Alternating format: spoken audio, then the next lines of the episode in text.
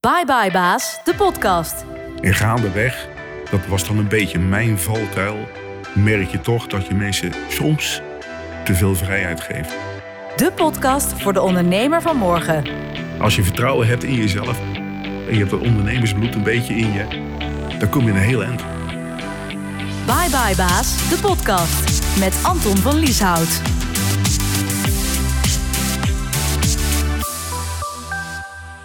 Welkom bij de vierde aflevering van Bye Bye Baas, de podcast voor de ondernemer van morgen. In deze serie spreek ik met ambitieuze ondernemers die op een bepaald moment in hun leven hun vertrouwde baan opgezegd hebben en voor zichzelf zijn begonnen. Vandaag de ervaringen van Henk Bos. Hij kan intussen terugblikken op bijna 20 jaar ondernemerschap, want in 2002 startte hij zijn onderneming Sarebo, een bedrijf dat gespecialiseerd is in het leveren van verpakkingsmaterialen. Het is zo dat uh, de klanten waar we ons op uh, richten, dat zijn klanten die uh, levensmiddelen verpakken. En dan in de Benelux met name. Dat zijn mensen die allerhande producten kunnen verpakken. Van gesneden groenten, vis, vlees, kaas, mosselen, soepen, sauzen. We hebben daar materialen voor inmiddels. En dat is zo'n beetje 99,9% onze business waar we in zitten. Dus wij snijden met name verpakkingsmateriaal voor klanten in kleine rollen, op bepaalde rollengtes. En we adviseren de klant er ook bij. En er zijn klanten die hebben een nieuw product of die gaan starten met iets nieuws. En die vragen ons van joh, ik wil een houdbaarheid hebben van mijn product van drie maanden of zes maanden. Wat moet ik gaan gebruiken?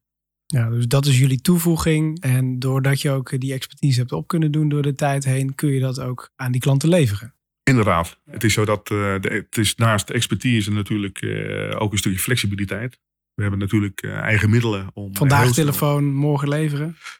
Ja, sterker. Het komt wel eens voor dat klanten s'morgens bellen. Ik sta smiddag stil. Kun je wat doen? Nou, dan hebben we één handicap, dat is transport. Ja. Dus dan moet de klant het zelf even komen halen. Maar we zijn in staat om een klant te helpen als hij een probleem heeft. En dat heeft uh, te maken met het feit dat we natuurlijk zelf voorraad houden in allerhande materialen. Deels voor de klant, maar ook vrije voorraad.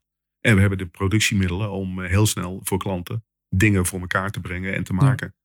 Maar inmiddels zijn we leuk gegroeid. Uh, in het begin is het natuurlijk uh, als één pitter is het uh, lekker. Je kunt je eigen werktijden bij wijze van spreken bepalen. Je kunt op alle manieren kun je kijken hoe en wat. Maar er komt een moment dat je natuurlijk verder doorgroeit. En inmiddels zitten we nu in Eindhoven. Daar hebben we een leuke groei achter de rug met een eigen pand. En wat meer machines die we aangekocht hebben. Maar er begint natuurlijk ook het avontuur met personeel. Ja, en dat is een heel ander hoofdstuk. Ja, dat is heel anders dan wanneer je helemaal in je eentje uh, het allemaal doet. Dus uh, letterlijk de verkoop, het snijden van het materiaal, et cetera. Want wat je vaak uh, hoort over zeker ondernemingen die producten produceren, is dat op een gegeven moment bepaalde groeistuipen ontstaan. En hoe ben je daarmee omgegaan in die afgelopen 18 jaar? Ja, dat is een hele goede vraag, Anton. Ik moet zeggen dat de groeistuipen, dat is fantastisch, zeker in de beginnen. Dan uh, lig je bij wijze van spreken kwitselend op de bank. en je ziet de omzet groeien. En je schrikt ook wel even van inkoopfacturen. Want die zijn natuurlijk in het begin erg klein. Maar dan denk je, jee, zo, dat zijn bedragen. je gaat tegen zaken aanlopen van, goh, ik kan zelf alles niet meer doen. Ik werkte zeven dagen in de week. Dus ook op zondag stond ik aan mijn eigen snijmachine in het begin. Dan ga je met personeel uh, natuurlijk uh, aan de gang. Daar komen allerlei zaken op je af. Ja, niet alleen kosten, maar uh, ook hele sociale aspecten. Ja, naast sociale aspecten ook de wet en regelgeving. als ondernemer heb je natuurlijk wel een beetje her en der gesnuffeld. Maar er komt ook een moment dat je zegt van joh, hoe moet ik dat doen? Nou, dan loop je toch tegen zaken aan. een simpel voorbeeld, een functieomschrijving. Ja, ga er maar aan staan natuurlijk in het begin. Uh, ik was gelukkig lid geworden. Dat is ook wel een, een, een, tip, denk ik, voor ondernemers. Is er een branchevereniging? Word daar lid van. Vaak kost dat niet zo heel veel. Zeker in ja, het begin niet. Een jaarlijkse bijdrage. En ja. uh, daarvoor kan je heel veel, uh, ja, heel veel advies inwinnen. Daar kun je heel veel advies in winnen. Klopt. En daarmee hoef je niet altijd het wiel opnieuw of het wiel zelf uit te vinden. Klopt, inderdaad. Maar je gaat beginnen met personeel. Je gaat te maken krijgen met Arbo. Arbo-wet. Je gaat te maken krijgen met functieomschrijvingen. Je moet mensen gaan beoordelen. Uh, hè, je moet dus een goed functioneringsformulier uit de la kunnen toveren. Er zijn allerlei andere zaken die gaan spelen. Hoe zit het op het moment dat iemand verzuim heeft, ziek wordt? wat zijn de aansprakelijkheden? Je gaat te maken hebben met een arbeidsinspectie. Allerlei zaken die op je afkomen. En veel ondernemers staan daar in het begin niet bij stil. En het is vaak lastig en moeilijk om die informatie te vergaren. Je kunt het allemaal in de avonturen zelf knutselen en doen. Maar ja, ik zeg wel eens, het is beter gejat dan slecht bedacht. dat is ook een, een mooi gezegde. Maar zeker als ondernemers onder elkaar kun je elkaar helpen. Dus inderdaad, zoek een branchevereniging of inderdaad creëer een hub als die er niet is. Ja. Met kennis in, uh, in, in, in het domein waarin je zeg maar, aan het opereren bent. En zorg dat je elkaar inspireert en vooral ook vooruit helpt. Ja, klopt. Met uh, die eerste stappen als uh, startende ondernemer. Goeie. Um, ik wens je veel personeel. Is een oud gezegde ook. je begon er net zelf al eventjes over. Als ik jou vraag van wat is de eerste fout die je hebt gemaakt als ondernemer? Had dat dan met personeel te maken of had dat met bedrijfsvoering te maken? Of heb je helemaal geen fout gemaakt?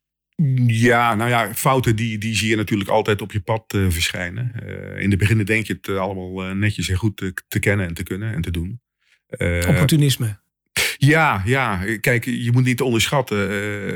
met mensen werken, dus met personeel. Dat is natuurlijk een, een heel ander dingetje dan je specialistische verkoopverhaal. Of andere zaken die je goed op orde hebt. Je moet ook leiding kunnen geven, laten we eerlijk zijn. Daar moet je ook in groeien. De benadering van mensen, want je hebt allerlei verschillende karakters natuurlijk. En in het begin heb je eigenlijk ook wel een beetje het familiegevoel, ook met personeel. En gaandeweg, dat was dan een beetje mijn valkuil, merk je toch dat je mensen soms te veel vrijheid geeft. Uh, de ene kan er wat beter mee omgaan dan de ander. Maar dat heeft dan ook weer te maken met de selectie die je dan uitvoert. En dat is soms wel eens een, een, valkuil voor me geweest. Dat je zegt, je geeft mensen te veel vrijheid, wat ze niet aankunnen. En je denkt als ondernemer van, goh, mensen denken hetzelfde zoals jij denkt en doet. Ja. En dat is niet, Iedereen is anders. Niemand is een kopie van elkaar. Klopt.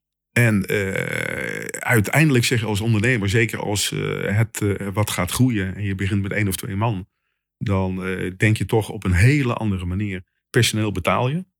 En die kijken natuurlijk toch met andere ogen. Kortom gezegd, of kort gezegd, het zijn hun centen niet. En dat kan met allerlei dingen natuurlijk gebeuren. En ja, dat is ook een leertraject wat je hebt als ondernemer. Als je start met personeel. Uh, wat is nou in jouw ogen een goede kracht? Is dat iemand die keihard werkt, maar op administratief dingen laat sloffen? Of met ingangscontrole van goederen het niet zo nauw neemt? He, dat, dat zie je. Uh, dus dat is wel een dingetje waar ik in de loop der jaren heel veel van geleerd heb. Door schade en schande. En hoe denk je dan over verantwoordelijkheid? Ja, verantwoordelijkheid, daar hoort wel degelijk een stukje bevoegdheid uh, bij. Hè? Want je kunt iemand verantwoordelijk stellen. Maar in heel veel uh, bedrijven, of je nou in loondienst werkt of, of weet ik veel waar, zie je toch dat mensen verantwoordelijk zijn voor X. Maar als het puntje bepaalt je komt, bepaalt de baas wat er gaat gebeuren. Mm -hmm. Nou, dan ben je in mijn ogen niet verantwoordelijk. Ik kan die man niet afrekenen of die vrouw. Dus bij verantwoordelijkheid hoort een stukje bevoegdheid. En dan is het wel belangrijk dat je natuurlijk toch selecteert naar bepaalde mensen met karaktereigenschappen, met een stukje betrokkenheid, enthousiasme en een stuk gretigheid. Uh, eigenlijk zoek ik een kleine ondernemer in een bepaalde leeftijdscategorie die voor mij wil werken. En die zegt van joh, ik vind het zo leuk. Ik wil steeds meer van jou over gaan nemen. Maar dat betekent ook dat de sfeer goed moet zijn. Mm -hmm. Mensen moeten eigenlijk, hier vind ik, fluitend naar hun werk komen. En om een uur of vijf, half zes zeggen. Goh, moet ik alweer naar huis. en ik hoor ook wel van de jongens hier die hier werken. Van goh, de tijd vliegt. Is het nou al drie uur? Dat is een goed positief. teken. Ja, ik stond van de week stond ik nog in de supermarkt. En uh, de cashier die zegt... Het is pas drie uur. Normaal werk ik niet op woensdag. Wat gaat de dag langzaam? Ja, half het tegenovergestelde. Ja, ja, is het glas half verlegen of half vol? Ja. Dat, dat is ook natuurlijk uh, wellicht ook een stukje sleur wat er uh, na verloop van tijd gaat spelen. Maar ook dat probeer ik te ondervangen. Ja, maar ik sfeer probeer... is absoluut belangrijk. Hè? En, en sommige bedrijven staan, slaan daar compleet in door. Die hebben pingpongtafels en die hebben een sportschool intern en noem het allemaal maar op. Maar aan het einde van de dag is iedereen toch bezig met wat krijg ik aan het eind van de maand overgemaakt. Klopt. Dat, is de keiharde waarheid voor iedere werknemer. Um, hoe, uh, wat heb je de afgelopen 18 jaar geleerd over dat aspect? Dat mensen altijd maar weer vragen, waarschijnlijk om meer geld. Ja, klopt. Nou, het is zo dat uh, in de beginnen heb ik natuurlijk uh, gekeken wat betaal ik de mensen en wat doe ik dat bijvoorbeeld op inleenbasis. Dus je praat met uitzendbureaus. Dan komt ook wel weer een branchevereniging natuurlijk leuk naar voren. Toch weer die kennis. toch weer de kennis van anderen. Van joh, Markt wat komt is, voor salaris. Inderdaad, Ja. wat is nou een salaris wat jij die en die meneer biedt in die en die functie? Nou, uiteindelijk eh, moet ik concluderen, helaas, eh, dat we veel te veel betalen. Nou, geintje, we betalen goed. Eh, dat betekent dat we over het algemeen een, een leuk salaris bieden aan mensen. En dat eh, merk ik ook. Ik heb mensen hier die uit ploegendiensten kwamen. Die in drie of vijf Onregelmatig werkte. onregelmatig werkten, toeslagen kregen en dat soort zaken. En die willen hier graag in dagdienst komen werken. Dus dat salaris, dat zit wel goed. Daar verwacht ik ook wel wat van. Dat betekent dat we als eh, club, we hebben een klein clubje mensen, we zijn met eh, zes, zeven man, wil ik ook dat familie gebeuren en dat familiegevoel erin houden. En uiteindelijk zeg ik van, goh, als de resultaten goed zijn, dan is het leuk om ook het personeel daarin te betrekken met een beloning. En dat kan in allerlei vormen. Dus dat kan zijn in eh, extra maandsalaris op het eind van het jaar, als de resultaten goed zijn. Je kunt dat in allerlei gradaties natuurlijk onderbrengen. Dus daar ben ik ook wel mee bezig om dat wat verder te verfijnen. Ik heb in het verleden wel eens mensen gezegd van joh, je hebt het hartstikke goed gedaan. Je bent nooit ziek, je werkt goed, je werkt hard. Dus eh, eind van het jaar kregen van mij een bonus. En dan is de kans ook groter dat je fluitend weer naar je werk komt. Juist. En geeft die mensen ook de kans en de ruimte om hun eigen ideeën eh, te ventileren en ook uit te voeren. Ik heb nu iemand die heel veel ervaring heeft. Die heeft al een paar dingetjes eh, laten zien en aangekaart. Waarvan ik zeg van joh, voer het uit. Hartstikke mooi. En dan zien we dat we bijvoorbeeld een machine veel sneller instellen dan dat we het tot voor kort deden. Nou, dat is een stukje werkervaring wat iemand meeneemt. Dan zetten we een doos gebak op tafel. En eh, op die manier zie je dat dat gewoon ook motiveert. Flexibiliteit richting klanten is dus erg belangrijk voor het succes van je onderneming. Zeker als startende ondernemer moet je ook niet bang zijn om wat kennis in te winnen bij een branchevereniging. En ga je personeel aannemen? Ga dan vooral op zoek naar betrokken en enthousiaste mensen. Wat voor medewerker was Henk Bos vroeger eigenlijk zelf, voor de start van zijn eigen bedrijf, als product- en sales manager in loondienst? Ik had eigenlijk geen last van de baas. Eén keer per maand eh, ging ik eh, naar mijn werkgever. En eh, had ik een kistje met geld. Want er werd veel nog contant betaald. En moest ik daar natuurlijk eh, verantwoording afleggen. Je bent wel eigenwijs eh, op, je, op je manier. En probeert natuurlijk dingen op een bepaalde manier in te vullen. En dat lukt niet altijd. Omdat er een moment komt van verschil van visie. Op dat moment eh, zie je dat je wat doorgroeit. En eh, wil je ook eens een keer snuffelen bij eh, een ander bedrijf. Je ontstijgt het bedrijf waar Ja, je ja, ja. bent. je hebt het gevoel vaak, maar dat had ik al vrij vlug. Ik, ik kan het beter, ik zie het anders en ik wil het anders invullen. En ja, dat is ook een bepaalde drijf wat je hebt. Ja, sommige mensen zeggen misschien dat is eigenwijs, maar het zou ook wel een van de juiste kenmerken voor een eigen baas kunnen zijn, of niet? Ja, je slaat eigenlijk de spijker op eh, zijn kop. Eh, het zijn natuurlijk vaak eh, jongens die een, zelf een bepaalde sterke visie hebben en weten wat ze willen. Ook wel goed zijn in hetgene wat ze doen. Vaak iets beter dan wat je ziet rondom met collega's. Een bepaalde gedrevenheid. En ook vaak werken alsof het hun eigen bedrijf is. En dat is wel een kenmerk van bepaalde zaken wat je terugziet bij ondernemers. Ja. Ook niet te flauw om uren te maken en eh, niet van eh, 8 tot 5 te werken, maar eh, tot s'avonds uh, 10, 11 uur nog alles te doen en te regelen wat eh, behoort bij het werk. En uiteindelijk werd er ook wel op het thuisfront gereageerd van joh, ik zie jou eigenlijk nooit voor een baas werken. Dat zal heel lastig zijn voor je. Dus ook daar werd het eigenlijk al onderkend van die jongen moet niet voor de baas gaan werken. Mijn toenmalige commercieel directeur die vroeg mij op de man af van joh, waar wil jij het liefst zitten over een tijdje? En toen heb ik er gezegd op jouw stoel. Uiteindelijk vertrok hij, dat had hij goed onthouden. en heeft het management geadviseerd. Laat die bos maar doorgroeien in de verkoop, want uh, daar heb ik het volste vertrouwen in. Ook in die periode heel veel in de productie gekeken. Ja. Met mensen gekeken van joh, wat gebeurt er nou? Er werden daar verpakkingen bedrukt, gelamineerd, gesneden. En ja, je leert er ontzettend veel van. Dus je visie, je kijk, wordt wat ruimer en breder. Uiteindelijk uh, gedacht van, goh, ben ik hier gelukkig? Het was een groot bedrijf. Dan loop je tegen dingen aan. Uh, een stukje bureaucratie, eilandvorming. Uh, voel je je daar prettig bij? Nee, dat was eigenlijk het antwoord wat ik had. En gelukkig had ik mijn businessplan geschreven. En ik had ideeën. En ik ben toen met iemand in gesprek gekomen die mij vroeg om de verkoop te, te, gaan doen. Ook in flexibele verpakkingen, mm -hmm. kunststofverpakkingen, uh, folie om het zo maar te zeggen. En toen dacht ik van joh, als ik nou dingen kan combineren, vier dagen gaan werken in loondienst, één dag zelfstandig. Is dat niet een idee? En toen heb ik gezegd, kijkend in de spiegel, ik was inmiddels 43 jaar. Als je het nu niet doet, Bos, dan doe je het nooit meer. Ja. En toen ben ik gegaan. Ja, en hoe is dan zo'n moment dat je zegt: Oké, ik laat nu echt alles achter me, alle zekerheid die ik heb, en ik ga volledig voor mezelf? Dat is uh, reuze spannend. Ja, is dat Uh, klamme handjes? Is dat... Nee, dat niet. Ik uh, was zeer zelfverzekerd van mijn eigen kunnen en kennis van de materie die ik wilde gaan verkopen. Dus dat zat wel goed. Alleen je hebt natuurlijk inmiddels wat opgebouwd thuis. Je hebt verplichtingen. En die verplichtingen die worden wel maandelijks gevraagd om die af te dragen. En met de start van een bedrijf heb je niet natuurlijk die omzet die alle kosten kan dekken. Dus je moet ook eigenlijk financieel kijken, hoe sta ik ervoor? Ja. Nou, in mijn geval was het zo dat ik een soort onderpand gaf aan mijn bank van mijn huis. Dus ik ben begonnen met een klein startkapitaal. Wat ik overigens niet nodig heb gehad, gelukkig. Maar je weet het niet. Maar dat gaf mij wel de zekerheid van, goh, mocht het een maandje tegenzitten met inkomsten. Dan heb ik niet meteen een probleem heb ik geen probleem. Ik kan mijn kinderen te eten en te drinken geven. En ik kan mijn hypotheek betalen. En ik kan af en toe mijn vrouw nog eens een keer langs de winkel sturen voor een nieuw jurkje. Nou, het, was niet zo, het was niet zo dat je dus een, een, een hele grote spaarpot had opgebouwd voordat je deze stap maakte. Nee, inderdaad. Ik, ik had een uh, relatief klein spaarpotje. En uh, ja, dan, dan moet je toch even afwegen van... Goh, uh, is het allemaal te draaien? Stel dat je twee maanden geen inkomen hebt. En de uitgaven zijn er wel. Hoe overleef ik dat? Ik had een kantoortje aan huis. Iedereen heeft tegenwoordig een laptop, uh, privé en een telefoon.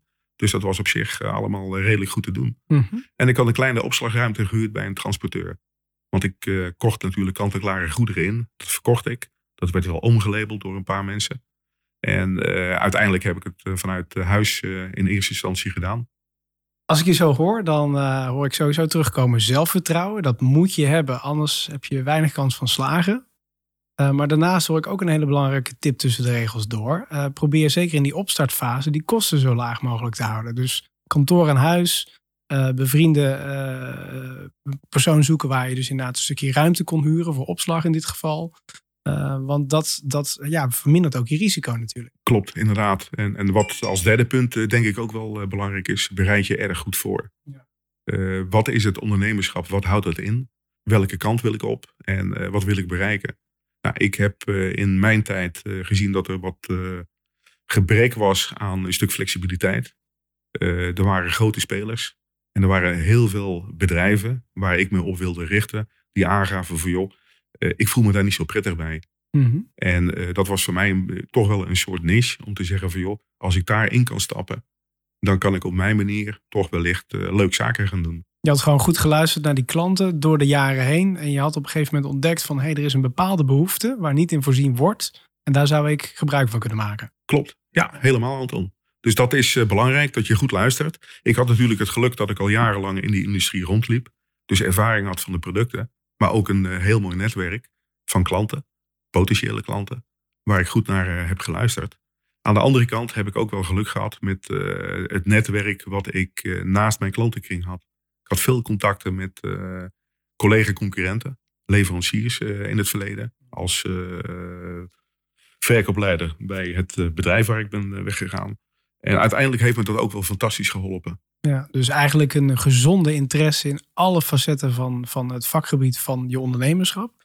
Is belangrijk om een goede ondernemer te zijn. Ja, dat is denk ik wel uh, belangrijk. Dat je inderdaad van alle facetten. Je hoeft geen specialist te zijn. Hè. Laten we eerlijk zijn, die kun je inhuren. Maar in het begin zijn het toch uh, vaak te dure inleners. Laten we, hè. Dus je moet het toch zelf uh, uitvinden. dus als je van alle facetten een beetje mee weet te denken, te praten. En ook de dingen voor te bereiden voor jezelf. Dan is dat natuurlijk ontzettend goed. En ook een kenmerk van een ondernemer die graag wil. Eigenwijsheid kan dus een goede eigenschap zijn, zelfs voor een startende ondernemer. Zorg er bij de start in ieder geval voor dat je vaste kosten zo laag mogelijk zijn. Blijf werken aan een brede interesse binnen je vakgebied en bedenk goed wat je wil bereiken.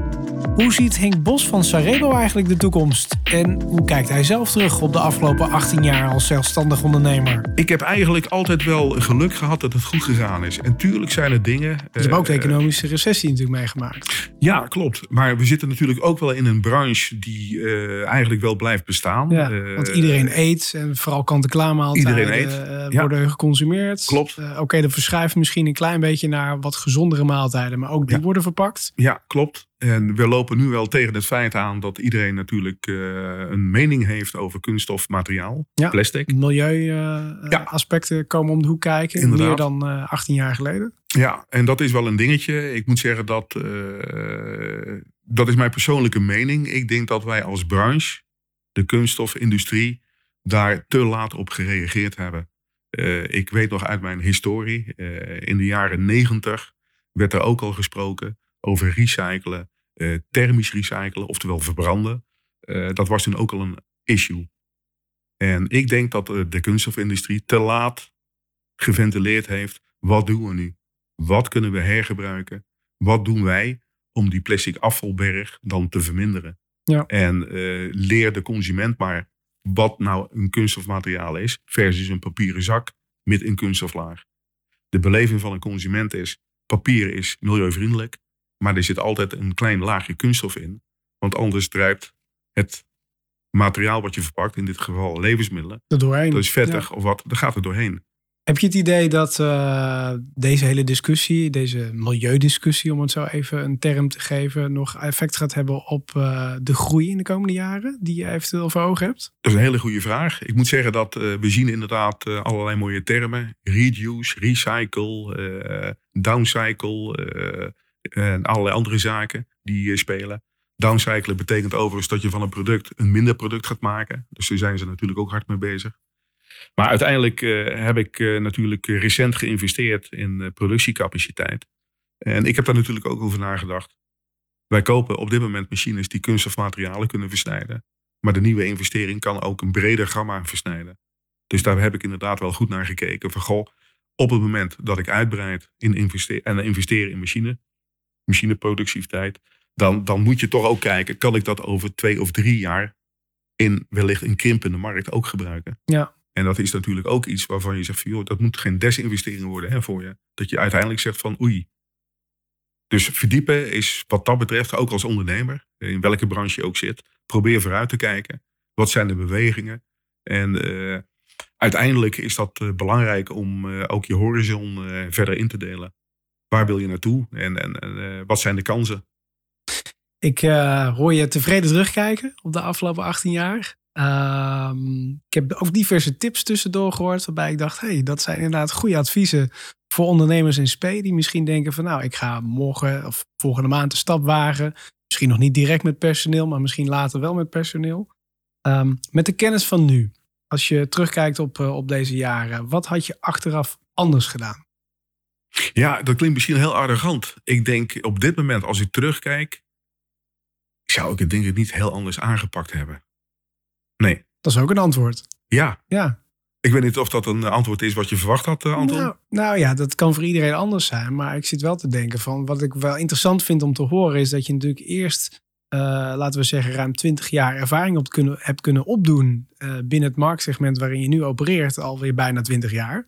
En dat dat hele belangrijke bagage is geweest om dat mee te nemen in je onderneming. En ik kan me ook voorstellen dat sommige mensen die bijvoorbeeld nu 25 zijn en denken, ja, ik ga morgen beginnen met een eigen zaak. Die hebben, ja, die hebben geen idee waar ze aan beginnen. En eh, laat staan dat ze die, dat, dat- ja, die ervaring kunnen meenemen. Dus eh, misschien inderdaad heeft het wel geholpen dat je inderdaad die ervaring meebracht. Waardoor je eigenlijk alles wel gedaan hebt zoals je het had willen doen. Ja, dat, dat, dat klopt wel, moet ik zeggen. Tuurlijk, ervaring speelt eh, toevallig in mijn branche natuurlijk wel een hele belangrijke Ja. rol. Ik denk overigens in, eh, in alle branches wel. Aan de andere kant kom ik weer eventjes terug aan het beginnen. Als je vertrouwen hebt in jezelf, in je kunnen. Ja. En je hebt kennis van hetgene wat je gaat doen. En dat is natuurlijk wel belangrijk. Dan hoef je niet zo heel veel ervaring te hebben, denk ik. Je ziet rondom je heen tal van jonge ondernemers die fantastische ideeën hebben. En er zullen ook een aantal ideeën zijn wat niet gaat werken. Maar als je vertrouwen hebt in jezelf en je hebt dat ondernemersbloed een beetje in je, dan kom je een heel eind. En als je dan ook nog een leuk product hebt, of wat kennis hebt van bepaalde zaken, dan En je kan blijft het, verdiepen. En je blijft verdiepen en je inderdaad ook eens je oor te luisteren legt bij die of gene waarvan je zegt van goh, daar kan ik ook wel wat van leren. Ja, ik denk dat het dan uh, goed gaat komen. En in welke omvang of wat voor omvang dan ook. Ik denk dat dat uh, inderdaad uh, zonder meer de moeite waard is om te zeggen go. En tot zover de vierde aflevering van Bye Bye Baas. Bijzondere dank aan Henk Bos voor het delen van zijn ondernemersverhaal deze week. En daarnaast Niels de Koning en Ingrid de Laat voor hun medewerking aan deze serie. Wil je reageren op deze aflevering? Laat dan vooral even een review achter via je favoriete podcast-app. En heb je suggesties voor ondernemers die hun verhaal zouden moeten delen? Of wil je zelf een keer te gast zijn? Stuur me dan een mailtje via byebyebaas.anton.media. Volgende week een nieuwe Bye Bye Baas. En wil je op de hoogte blijven? Abonneer je dan. En volg ons ook via @byebyebaas op Instagram. In de volgende Bye Bye Baas, de podcast. Je ziet dat je houdt van wat je doet. En dat is ook mijn motto. Do what you love and love what you do. En dat is voor mij de basis van alles. De podcast voor de ondernemer van morgen. Het blijft risicovolle, daar moeten we eerlijk over zijn. Dus je moet je vooral heel goed voorbereiden. Bye Bye Baas, de podcast met Anton van Lieshout.